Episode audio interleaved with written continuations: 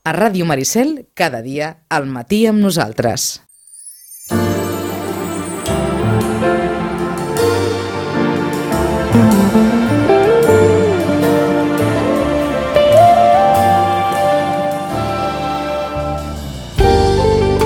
Doncs un, uh, un mes més a aquesta hora d'Europa, eh, doncs amb la, el suport de la representació de la Comissió Europea a Barcelona, l'Oficina del Parlament Europeu a Barcelona, el Centre Europe Direct de la Diputació i l'Ajuntament de Sitges i la col·laboració de Eurolocal. Joaquim Millan, bon dia. Molt bon dia. Eh, diguem, una nova hora d'Europa marcada per l'actualitat.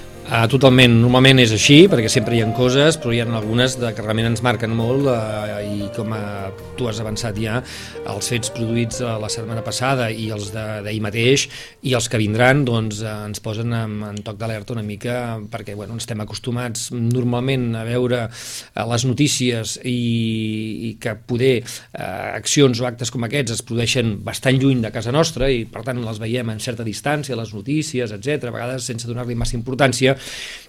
però quan ens passa una acció o un atemptat d'aquestes característiques a, a casa nostra, i més a París, on tothom, qui més qui menys, ha anat, eh, té amics que hi van, eh, gent que hi viu, treballa, estudia, etc. doncs, esclar, ens afecten, ens afecten i ens afecten molt, no? Uh -huh. uh, tu estaves a Brussel·les. Jo estava a Brussel·les, sí, estava uh -huh. a Brussel·les i, i de fet, eh, eh, clar, també tota la connexió que va haver-hi un moment donat en les primeres notícies i després s'han confirmades doncs, de que havia alguna, la connexió que havia doncs, amb alguns dels eh, terroristes amb, amb Bèlgica, que venien d'allà, que havien perpetrat l'atemptat la, a alguna part des d'allà, que es havien llogat els cotxes des d'allà, en fi, tota una sèrie de coses que donava a entendre doncs, que havia doncs, bueno, aquesta mobilitat europea de la qual també en gaudim tots nosaltres, a vegades també pot ser que faciliti doncs, accions d'aquest tipus. No? Doncs Hi havia preocupació, molta preocupació. Una qüestió que lliga amb el que ens està comentant ara mateix en Joaquim Millan, els drets de la ciutadania que poden veure-se restringit, veure restringits amb aquesta eh, necessitat o aquesta demanda de seguretat per part de la, de la població. En podrem parlar amb el senyor Alfonso González. Eh, senyor González, bon dia. Hola, molt bon dia. Uh, Alfonso González, que és llicenciat en dret, màster en dret comparat per la Universitat de Barcelona, doctor en dret per la Universitat Rovira i Virgili i actualment és professor titular de l'àrea de dret internacional públic i de relacions internacionals del Departament de Dret Públic de la Rovira i Virgili. Uh, senyor González, uh, tenim cada cop que passa alguna cosa es reobre el debat, eh, el debat entre eh, drets i seguretat. Sí, de fet és un, és un debat que s'obre no només en el marc de la Unió Europea, sinó -huh. en el de qualsevol estat. Recordem que quan hi va haver els atemptats de l'11 de setembre als Estats Units, aquest debat va estar sobre la taula respecte a la capacitat que podia tenir l'administració nord-americana de restringir drets i llibertat als seus ciutadans per lluitar contra, contra el terrorisme, i en aquell moment era contra, contra Al-Qaeda. Doncs ara que tornem a patir una altra onada terrorista en territori europeu, doncs aquest debat es posa sobre la taula en el, en el continent en el continent europeu i, per tant, lamentablement, jo crec que és un debat antic i que va eh, eh, eh, ressorgint cada vegada que tenim un problema d'aquest tipus. El problema és que la, la percepció que podem tenir eh, de la, de la, del dret que té l'Estat a a restringir drets, valgui aquesta redundància, entre els americans i els europeus és diferent. Eh, és, és, és relativament diferent, eh? no, no, no crec que sigui tan diferent perquè jo crec que el debat, en, si, si vols, en les èlits uh -huh. eh, intel·lectuals i, i també a, a nivell polític és semblant. És a dir, és fins a on pot arribar eh, la llibertat dels ciutadans. Pensem que als Estats Units, per exemple, és clau la llibertat dels ciutadans en el seu sistema. No? És a dir, l'individualisme i la capacitat que té cadascú per fer-se a si mateix i per fer la seva vida és, és clau en el sistema nord-americà. No? Uh -huh. I el, el mateix debat aquest sobre si un pot tenir armes per defensar-se, uh -huh. és un debat que forma part de, de, la, de la que és la consciència col·lectiva nord-americana en tant que ells consideren que les persones tenen dret a defensar-se i això forma part quasi de l'esperit fundacional de, dels Estats Units. Uh -huh. A Europa jo crec que eh, el que també ja és, està molt arrelat són els drets dels ciutadans, no? I aquests drets s'intenten salvaguardar i per tant quan es posa sobre la taula el debat seguretat, de llibertat, doncs eh, alguns en parlen de que sí, està bé, és a dir, hem de garantir la nostra seguretat, però no podem anar enrere respecte a les conquestes dels nostres drets uh -huh. i de les nostres llibertats. De fet, ahir llegia ahir mateix no? un, un comunicat fet per l'associació de, de, de juristes francesa en la que alertava d'aquest perill, no? I deien, està, està molt bé lluitar contra això, però eh, eh, hem de reconèixer que els valors fonamentals de la República Francesa són els que són i, i, i que no ens els podem carregar mm, d'una tacada per voler lluitar contra el terrorisme. No? Però quan, quan l'Estat es mostra eh, incapaç de poder lluitar contra determinades formes de, de terrorisme sense eh, posar en qüestió els drets dels ciutadans, entrem en aquesta eh, dinàmica perillosa. Clar, però la qüestió és quan diem si es demostra incapaç, no? És a dir, eh, és que segurament eh, no ha treballat adequadament per evitar aquestes situacions, no? I llavors el que ens trobem és que, com a conseqüència d'una política. Eh, una sèrie de polítiques equivocades, arribem en, en aquest resultat. Llavors, eh, eh, també cadascú ha d'assumir la seva responsabilitat. Un cop tenim el problema sobre la taula, el que hem de fer és veure realment com es pot lluitar contra això. I per lluitar contra això, eh, segurament, es pot limitar de manera excepcional no? alguns dels drets dels ciutadans, però ha de ser una limitació temporal i excepcional, no? i sempre quan estigui justificada per lluitar contra això. Si això ha de servir per restringir de manera definitiva no? una sèrie de drets que tenien les persones, doncs llavors jo crec que és, és un, mal, un mal negoci, és, és, és un mal resultat per una evolució històrica que ha fet que els ciutadans, no? Eh, respecte a l'Estat, doncs tinguem una sèrie de, de salvaguardes, de protecció que ens fa que puguem desenvolupar-nos en un estat lliure i democràtic. De fet, seria una mica el fracàs de la nostra democràcia i donar-los amb ells el valor de que han guanyat, perquè hauran aconseguit eh, tres coses. No? Una, eh, modificar l'hàbit i costum de la ciutadania en quant a la seva manera de relacionar-se. Vull dir, clar, si ara a partir d'ara doncs, eh, no ens fa por anar segons quines activitats, actes, eventos, etc per por a que pugui haver-hi un atemptat, ens estan modificant la nostra manera de viure. Dos, si tot això suposa, com tu molt bé ja apuntaves, a modificar una mica també el, el que seria el sistema jurídic, un sistema jurídic que tu també molt bé deies, ens ha costat molt arribar eh, a on hem arribat i per tant, eh, si comencem a modificar el nostre sistema jurídic, també voldria dir que han guanyat, estan modificant també les nostres eh, regles de joc a nivell jurídic i després una altra cosa, vull dir, quan estem parlant de democràcia ja en sentit mm, ampli, esclar, també quedaria modificada, no? Llavors, fins a quin punt tu creus que mm, totes aquestes... Eh, o sigui, vull dir que ells eh, amb aquests atacs terroristes no només estan intentant generar por, sinó que realment hi ha darrere fons una, un atac ideològic de dir anem a modificar la seva manera de viure, anem a modificar el seu sistema jurídic, anem a modificar la seva democràcia, que és on ens poden fer real, realment i veritablement mal, com tu deies? Clar, ells utilitzen, entre cometes, les armes no? que tenen per eh, imposar el, la seva manera de fer. No? Evidentment, ells no poden plantejar una guerra oberta com la que es pot plantejar entre els estats, les clàssiques guerres, i per tant utilitzen l'instrument del terrorisme. I el terrorisme que provoca? Doncs provoca el pànic no? de la ciutadania d'un determinat territori. I això és una cosa que estan utilitzant i que en la mesura en què nosaltres entrem en aquest joc estan guanyant. Evidentment, no? evidentment. Llavors, nosaltres què hem de fer? Jo crec que el que s'ha de fer és reforçar la lluita antiterrorista, reforçar la cooperació entre els estats, cosa que segurament es podria fer molt més del que s'ha fet fins ara, no? i a partir d'aquí lluitar també contra l'arrel del problema. No? I l'arrel del problema també té a veure amb una política exterior dels estats que eh, segurament de manera molt lleugera no? intentava solucionar problemes puntuals en un moment de, amb, amb eines que han demostrat que han creat nous problemes. No? I, i, i potser ara fa de mal dir, és a dir, és políticament incorrecte, no?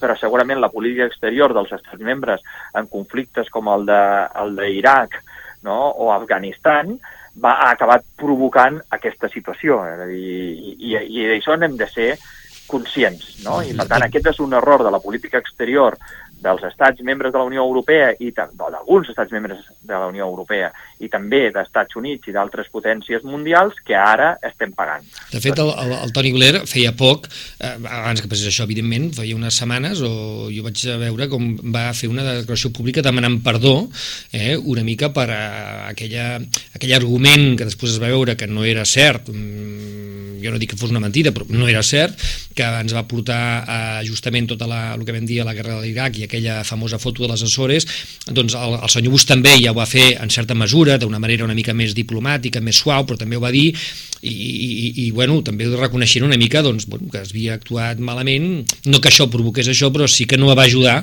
a que no hagi passat el que està passant en aquests moments, no? Clar, de fet, en la política internacional hi ha un debat també que, que és eh, què és millor, mantenir una dictadura que controla un determinat territori i, per tant, eh, eh, és un problema menys des del punt de vista internacional, tot i que sigui un problema per a aquell país en tant que qui governa ho fa de manera antidemocràtica i a més oprimint a la població, o interessa més intentar que eh, eh, eh instaurar un règim democràtic eh, i després si no te'n surts, doncs eh, allà es provoca una inestabilitat, etc i això pot acabar exportant el problema a altres territoris. Doncs aquest és el debat etern no? uh mhm. -huh. que hi ha davant d'aquest tipus de, de, de situacions. De tots els països de la primavera àrab, només Tunísia eh, ha mantingut una trajectòria mínimament democràtica. Tots els altres mm. han anat pel pedregar. Totalment d'acord, clar és que eh, eh, exportar determinats mo models uh mhm. -huh. en, en països que culturalment som mm, completament diferents. Ni ha la tradició. És, és, és perillós, eh? És perillós. I llavors jo crec que s'ha d'analitzar la situació de cada territori també en base a les possibilitats que té de desenvolupament i d'arrelament de sistemes democràtics occidentals. Eh? I, i s'han d'adaptar als, als sistemes de, de govern. No? Quan tu fas una transposició automàtica, en un lloc diferent on no, no hi ha possibilitat de que les coses funcionin, doncs a vegades pot haver-hi fracassos com el que com el que tenim actualment. I a més a més, eh, introduint un element més a la reflexió que, que, que feia eh, el professor González sobre doncs, la política exterior europea, eh, no oblidem tampoc que els, eh, els terroristes de, de, de París eren nascuts tots al territori europeu, eren ciutadans europeus, anats a Síria i tornats. Sí, de fet, aquest, aquest el que ens demostra és que també tenim un problema de, de cohesió social no? Mm. en, en, dins de la Unió Europea. És a dir, és, eh, eh, en, en els propis països s'està eh, configurant no? també uns ciutadans de primera i de segona, i aquests ciutadans de segona comencen a veure que no tenen possibilitats de progressar perquè es troben en una situació de desemparament i de quasi de determinisme no? que eh, fa que s'abracin a altres opcions que els hi proposen un món millor, un món més just, una segona vida diguem-ne diferent, no? i que són fins i tot capaços d'autoimmolar-se perquè pensen que tindran una segona vida millor. Uh -huh. no? I llavors això és un fracàs del model, evidentment. És a dir, a França, quan ja hi va haver els, els atemptats a Charlie Hebdo, uh -huh. en aquell moment a, a, es va plantejar per part dels polítics escolti, tenim un problema que segurament amb l'educació, amb el model educatiu, podríem corregir, etc.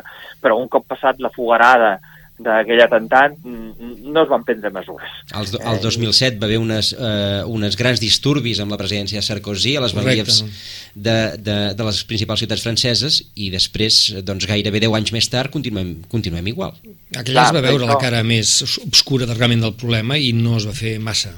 Es va Clar, fer coses, no es va fer massa que, que aquesta situació és mm. també conseqüència, quan diem la incapacitat que tenim de lluitar contra el terrorisme, bueno, la incapacitat perquè nosaltres mateixos hem acabat generant aquest tipus de situació de manera indirecta, no? amb les nostres polítiques internes i amb les nostres polítiques exteriors. I, per tant, eh, hem de combatre el terrorisme, però alhora hem de combatre les situacions que ens porten a que hi hagi gent que estigui eh, determinada a atentar, a matar, a, a, a fer tot això que ens trobem en aquests moments. No? Uh -huh. I això comporta un replantejament de moltes qüestions que tenen a veure amb la nostra manera de fer, també a casa nostra.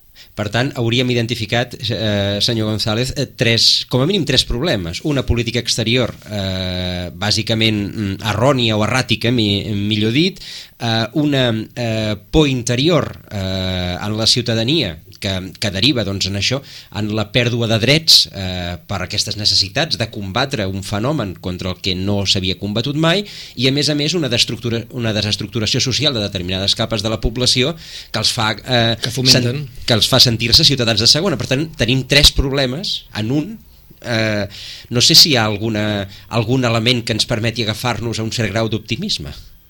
Ah, no, jo, jo crec que l'optimisme no l'hem de perdre mai, perquè, perquè l'optimisme és l'única cosa que ens podrà fer canviar. És a dir, si entrem amb el pessimisme i amb, amb, el, amb el derrotisme, estem morts perquè llavors eh, això provoca immobilisme i l'immobilisme el que provoca és la cronificació dels problemes. Per tant, l'optimisme ha d'estar, eh, ha de ser el nostre motor per intentar buscar solucions jo crec que un cop determinats aquests problemes, les solucions no són fàcils, però hem de posar fil a l'agulla i hem d'obligar els nostres governants a que posin fil a l'agulla. No? I a mi el que em fa més por és que en aquests moments simplement tot això serveixi, és a dir, lluitar contra uh, un comando terrorista és relativament fàcil. És a dir, ho vam veure quan hi va haver els atemptats també uh, de l'11M aquí a Espanya. És a dir, uh, als pocs dies van localitzar el comando, van entrar al pis, es van autoimmolar i, i ja està. Aquell comando es va, es va eliminar. A França ha passat el mateix. En tres dies han estat capaços de localitzar la cèl·lula terrorista, però és que amb això no acabem amb el problema. L'única diferència no. és que allà tenien clar aquí havia atemptat i aquí ens van vendre una moto perquè havien unes eleccions a 3 o 4 dies i ens estaven explicant... Vaja, tenien que llegir la premsa internacional per saber el que havia passat a casa nostra. Sí, sí, això és així, però a més a més... Que no va ajudar massa, això, eh? No va ajudar no massa. va, perquè era el context electoral en el que, en el que vivíem, no? Però sí que hi va haver una, una lluita, diguem-ne, per part del cos de policials que van ser capaços de detectar on estava la cèl·lula i on vivia. No? És que la policia va, fer... va funcionar bé. És a dir, que això va funcionar perfectament, no? I per tant, tenim capacitat policial per lluitar contra les amenaces, quan, diguem-ne, sobretot quan ja s'ha produït l'atemptat i, per tant, per localitzar i per veure què és el que ha passat, a vegades no tant per prevenir-les, no?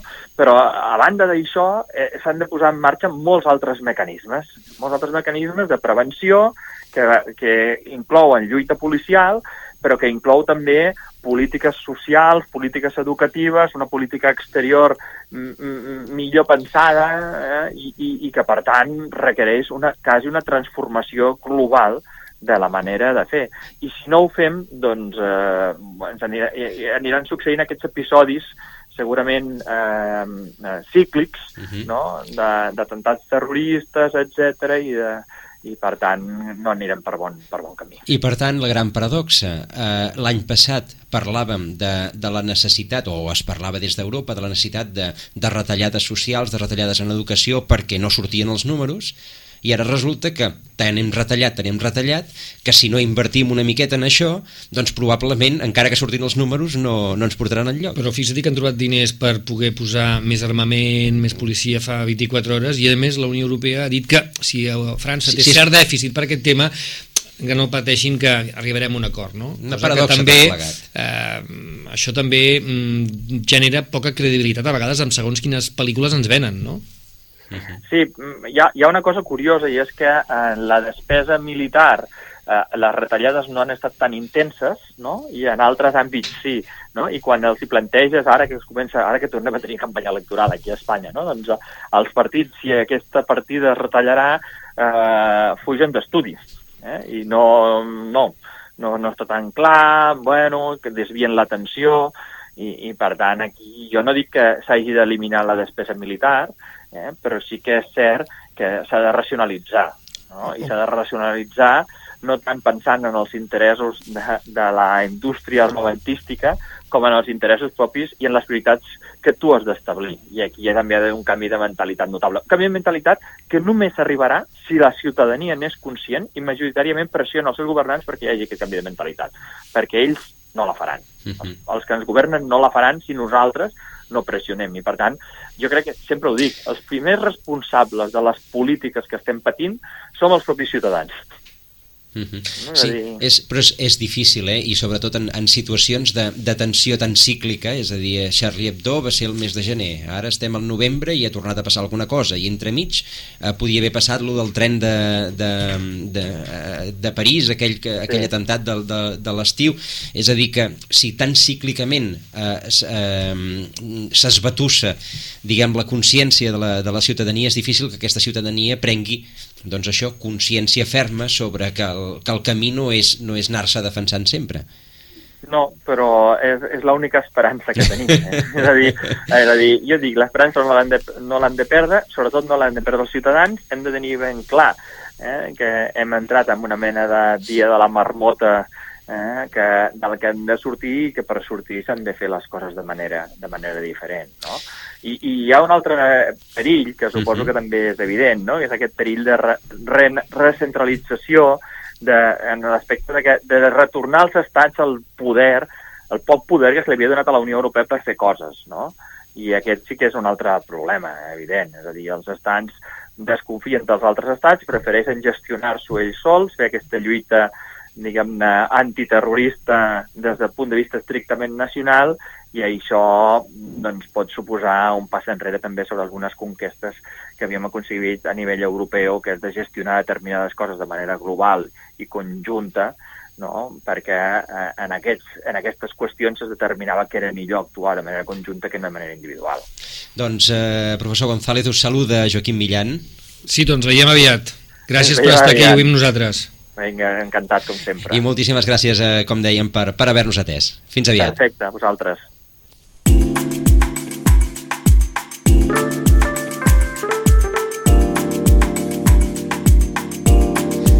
Doncs, eh, de moment, el lloc ens... tenim un problema, eh? un, problema, un problema gravíssim a, so, a sobre de la taula, però mm, el, el professor González ens, ens l'ha dibuixat força bé, és a dir que eh, problema interior de capacitat dels estats per gestionar ells mateixos doncs, el, els problemes que, eh, que genera aquesta, aquesta eh, eh, immigració ja de segona i tercera generació eh, que no se sent mm, correctament acollida. I per altra banda la mateixa gestió exterior d'aquestes eh, d'aquesta política exterior comuna europea que no ha existit gairebé mai. I el reforçament, diguem-ne, del control policial. És a dir, apuntava a tres llocs, com tu m'ho dius, uh -huh. el tema política exterior, plantejant-ho, tema educació vinculat a igualtat d'oportunitats i després el tema, bueno, en el moment que toca, doncs reforçar els, el tema policial eh, d'una manera clara i poder, fins i tu que ha parlat més de, més d'Europa en el sentit de que això s'ha de fer des d'una vessant europea i, i, i poc ha parlat dels polítics, no? perquè deia, confio més en, en, en les decisions que es puguin prendre a nivell europeu, el tema de la policial, etc que això sí que tindrà un, un, un resultats, que la política que és molt lenta moltes vegades i molt, d'alguna manera, segrestada pels moments eh, electorals. No? Uh mhm. -huh. Aquí estem en un moment electoral, en altres llocs eh, no ho estan, no sé si és millor o pitjor enfrontar-se amb això en un moment electoral. Aquí vam tenir una, no, una trista... també, que sí. ha sortit a França fotent cullerada, ha trobat el moment i diu, ah, deixa'm encara dir parlant alguna més, cosa. Eh? Parlant més Sarkozy que Le Pen en aquest cas. Uh, saludem al senyor Santiago uh, Castellà, llicenciat en Dret i Ciències Polítiques, màster en Pau, Seguretat i Defensa, i que va ser degà de la Facultat de Ciències Jurídiques de la Rovira i Virgili. Senyor, uh, senyor Castellà, bon dia. Hola, molt bon dia. Uh, vam parlar amb vostè uh, arran dels de, atentats de Charlie Hebdo sí. i ara, uh, ara parlàvem fa un, fa un moment amb el senyor Alfonso González i ens deia que, que estem, uh, estem visquent cada vegada com una mena de dia de la marmota i, i, i us tornem a trucar després d'uns atentats. És a dir que eh, anem, anem recorrent aquest dia de la marmota. Sí, per sort té un, encara una mica espaiat, no? Uh -huh. eh, I és veritat que cada cop amb una escala més gran, no? Eh, el de Charlie Hebdo estava molt centrat en un mitjà i es veia molt vinculat a les actituds i posicions que havia tingut aquest mitjà, el caràcter tan indiscriminat contra la població civil, contra la ciutadania que ha tingut eh, aquest atemptat i el nivell de violència, jo penso que és el que més ha sobtat i, i ara ens ha deixat a tots eh, amb el cor bastant encongit. Mm. Per tant, 11 mesos més tard de, de Charlie Hebdo, hem anat enrere? Sí, eh, jo crec que, que és, és molt difícil perquè l'enemic és molt difuminat, no? Uh -huh. I és molt difícil parlar de, de gent de tan enrere. Segurament els cossos, les polítiques de seguretat i els cossos de seguretat estan fent molt bona feina de, de tenir pues, controlada la gent que hi ha que tenir controlada, de tenir la, les escoltes i els sistemes de seguiment necessaris i segurament s'han evitat molt, molts atemptats. No? De totes maneres, tinc la percepció de que allò que és més important, que és reconstruir els valors eh, il·lustrats republicans que representen Europa i fer pedagogia d'ells en el món, eh, no ho estem fent. La solució d'aquestes qüestions mai serà policial, mai serà militar, eh, això servirà per, eh, per parar alguns cops, servirà per, eh, per eh, poder eh, parxear les situacions, uh -huh. però la, la solució és molt més de fons i la solució parla del paper d'Occident i d'Europa en el món, de la relació amb aquests països, de l'estabilitat a l'Orient Mitjà, eh, passa per molts més àmbits. Algú s'ho està plantejant, això, ni que sigui a mitjà termini? Mm, quan van haver-hi les primaveres àrabs eh, vaig tenir la sensació de que tornava a passar el que havia passat amb la caiguda del mur de Berlín, mm. que ningú tenia previst i que tots els grans think tanks i els grans centres de formació ningú tenia previst i ens va agafar a tots eh, pues, improvisant i eh, Europa en aquells moments va donar respostes molt tardanes, molt imprecises i no estic segur que ajudessin massa a consolidar unes classes mitges incipients que volien portar democràcia i, i volien portar estat de dret als països del nord d'Àfrica i que ràpidament allò va poder derivar amb, amb una trista eh, tardor o un fred hivern eh, islàmic. No? Uh -huh. eh, també amb el tema de Síria tinc la percepció de que hem improvisat massa i de que hem fet uns passes endarrere i endavant, ens hem despenjat del dictador, després sembla que tornem, eh, el paper de Rússia no ha estat, no ha estat clar fins al darrer moment, eh, tinc la percepció de que a Europa li falta una fulla de ruta i que aquesta Europa, que cada cop és més Alemanya, eh, no ha estat capaç de construir una fulla de ruta eh, coherent per abordar el seu paper en el món i especialment la situació mediterrània. Uh -huh. Això ja fa molts anys que dura la política exterior eh, europea, no s'ha distingit històricament per la seva coherència.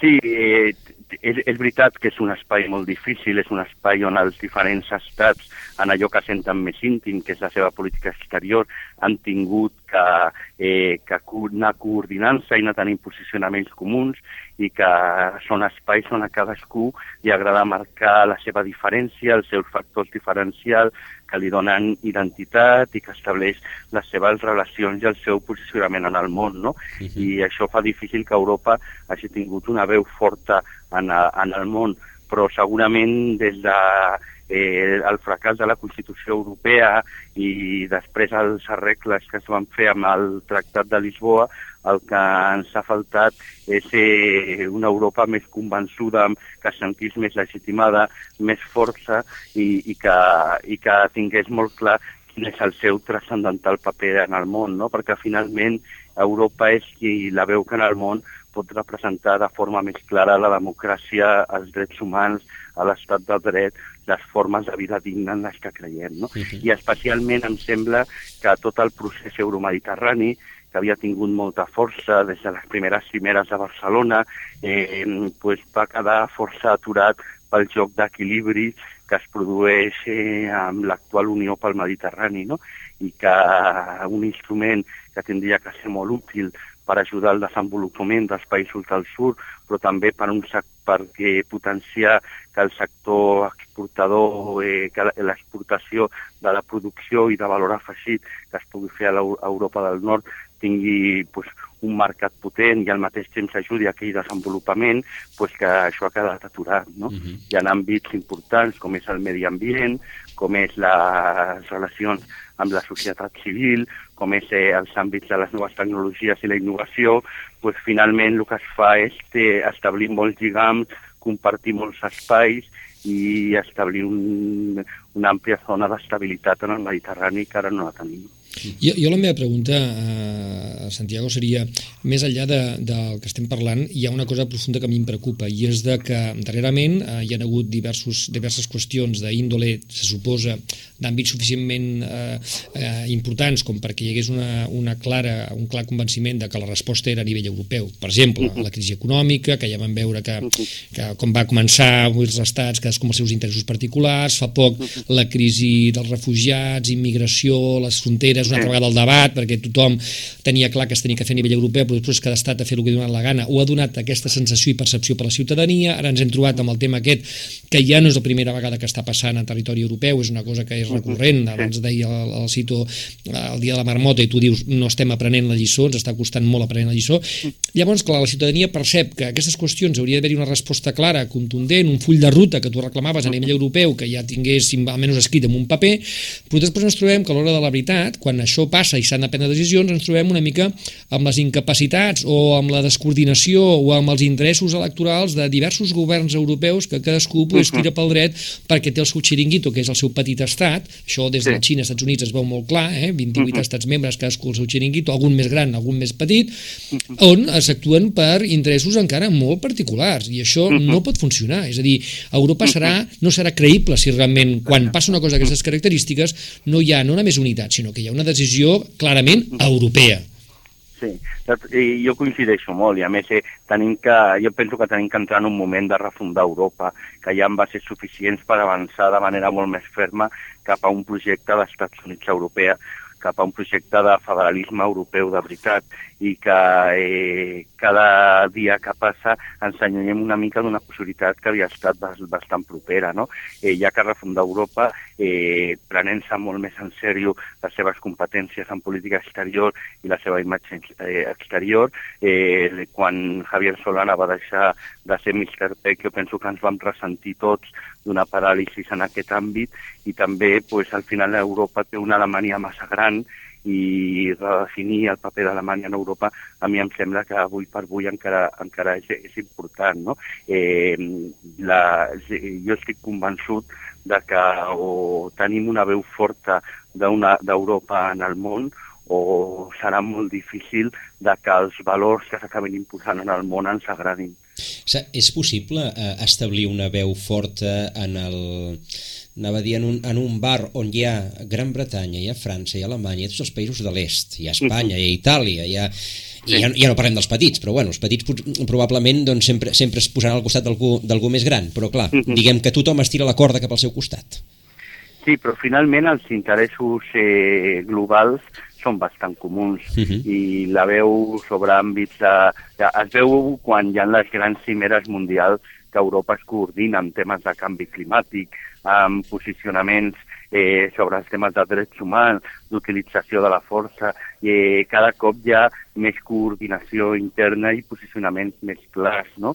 Eh, és veritat que és un terreny molt sensible, una aliança pues, França sempre havia tingut una aproximació més cap als serbis, Alemanya cap als croates, eh, totes aquestes aliances que, que havien deixat eh, un segle de guerres mundials a Europa encara pesen moltíssim, la vinculació transatlàntica eh, de Regne Unit pues, també pesa moltíssim, però jo estic convençut de que estem perdent l'oportunitat eh, de, de, de fer un veritable procés constituent europeu i que el gran problema és que el Tractat de Lisboa es va, no és tancar en fal perquè és un bon tractat tècnicament, però sí que ha deixat una crisi de legitimitat i un sentiment de poc empoderament en moltes de les institucions i que el Consell continua pensant sempre en lògica d'unanimitat, el Parlament continua a comportar-se com un enfant terrible, més com una càmera legislativa de veritat, eh, i ens falta eh, aquest sentiment d'empoderament i, de, i de fer més forta la ciutadania europea. La crisi dels refugiats era una oportunitat perquè la ciutadania entengués que era un moment per parlar d'una Europa oberta, solidària, que responia dels seus compromisos internacionals. Penso que molts polítics es van quedar parats quan esperaven amb la crisi dels, dels eh, refugiats un augment de l'extrema dreta i de posicions neonazis, que es van trobar que la ciutadania sortia a les estacions de centre Europa a donar la benvinguda i a oferir-se als immigrants i als, i als refugiats. No? Eh, pues, eh, segurament eh, els sectors menys eh, dinàmics i menys influents són els que més fan sentir la seva veu. I potser si escoltéssim a tothom veuríem que encara hi ha un sentiment molt fort europeista i que una Europa basada en valors segurament comptaria amb un recolzament molt majoritari i amb autoritats amb capacitat per, eh, per legitimades per tirar-ne endavant. De, de fet, el, el, el govern espanyol eh, va tindre que rectificar en tres ocasions la seva postura inicial, justament una mica per la postura, eh, diguem-ne, de, la, de la, la pressió, si es pot dir d'alguna manera, o de la pròpia societat civil espanyola, amb, i europea també, però especialment espanyola en aquesta qüestió, no? Sí, sí, sí, exacte i a més és que la, la imatge aquesta d'estem retrasant l'arribada i estem negociant a veure si ens toquen uns menys, no sé què i tal, jo penso que es troba amb una ciutadania que, que ho rebutja bastant, no? I que hi ha hagut moltes expressions, sobretot d'ajuntaments, que s'han volgut mostrar com ajuntaments acollidors, ajuntaments solidaris i donar resposta a aquesta ciutadania que deia no podem tenir abandonada així a la gent i tractant-la d'aquesta manera. No? Uh -huh. uh, tornant al, a l'origen del problema, que estaria situat, uh -huh. uh, diguem, als països àrabs i especialment ara mateix el focus a, a Síria, uh -huh. uh, Europa haurà de fer ús d'una certa real polític a l'hora de, de resoldre el problema, és a dir, posar-se d'acord amb els russos, bàsicament? Sí, a veure, eh, el tema de Síria té una solució amb una taula de negociació on seguin els principals actors. I avui per avui el president eh, dictador de Síria torna a ser un dels actors que tindria que seure en aquesta taula, segurament exigint el compromís d'una progressiva obertura i d'acabar amb les massacres que havia fet sobre l'oposició democràtica que tenia. Rússia tindrà que estar en aquesta taula i segurament l'error va ser intentar esquivar una eh, coordinació amb, amb Rússia des del principi. Rússia és un actor molt important que a mesura que s'ha sentit eh, maltractat, poc considerat per Estats Units i per la Unió Europea, ha anat eh, agafant més força i marcant més el terreny. I algunes de les coses que han passat eh, en el darrer any jo penso que s'expliquen molt en establir clarament la, la seva fortalesa i el seu control sobre una zona molt àmplia entre Europa, Àsia i Àfrica que per ells és determinant tant per la producció petrolera, pels conductes del gas, com a ruta de mercaderia, i és una zona estratègica molt, molt, molt sensible.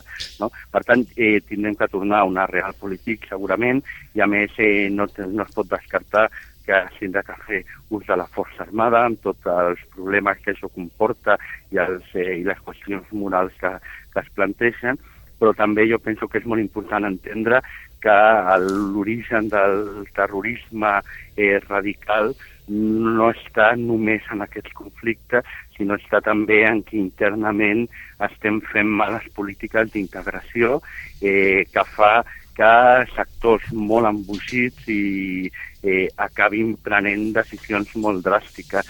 Eh, i crec que és important que reflexionem sobre aquest model de de que terceres, quartes generacions que no tenen cap vincle amb els països d'origen, que no han conegut la religió dels seus pares més que per referència, eh, es refugien en el fanatisme davant la manca d'expectatives segurament tindríem que contribuir molt més a que naixés un islam europeu, progressivament secularitzat, modern, compatible amb la democràcia eh, i eh, eh, segurament algunes de les, dels barris al voltant de les grans ciutats de França, però també a Espanya, Regne Unit, Alemanya, a Itàlia, ajuden molt poc a aquestes polítiques d'integració. Doncs Uh, doncs, uh, professor Castellà, moltíssimes gràcies uh, per aquesta reflexió, perquè ha lligat perfectament amb el que ens havia dit abans Alfonso González. O sigui que moltíssimes gràcies per haver estat. Moltes gràcies i bon dia. Fins la propera, Perfecte, Santi. molt bon dia, una Fins, abraçada. fins la propera. Joaquim, ens tornem a retrobar Ens d'aquí un veiem mes. aviat. Vinga, gràcies. I a tots vostès, uh, ara més coses. Ara acabem el programa aquí. Demà, demà més coses. Que passin un molt bon dia i fins demà.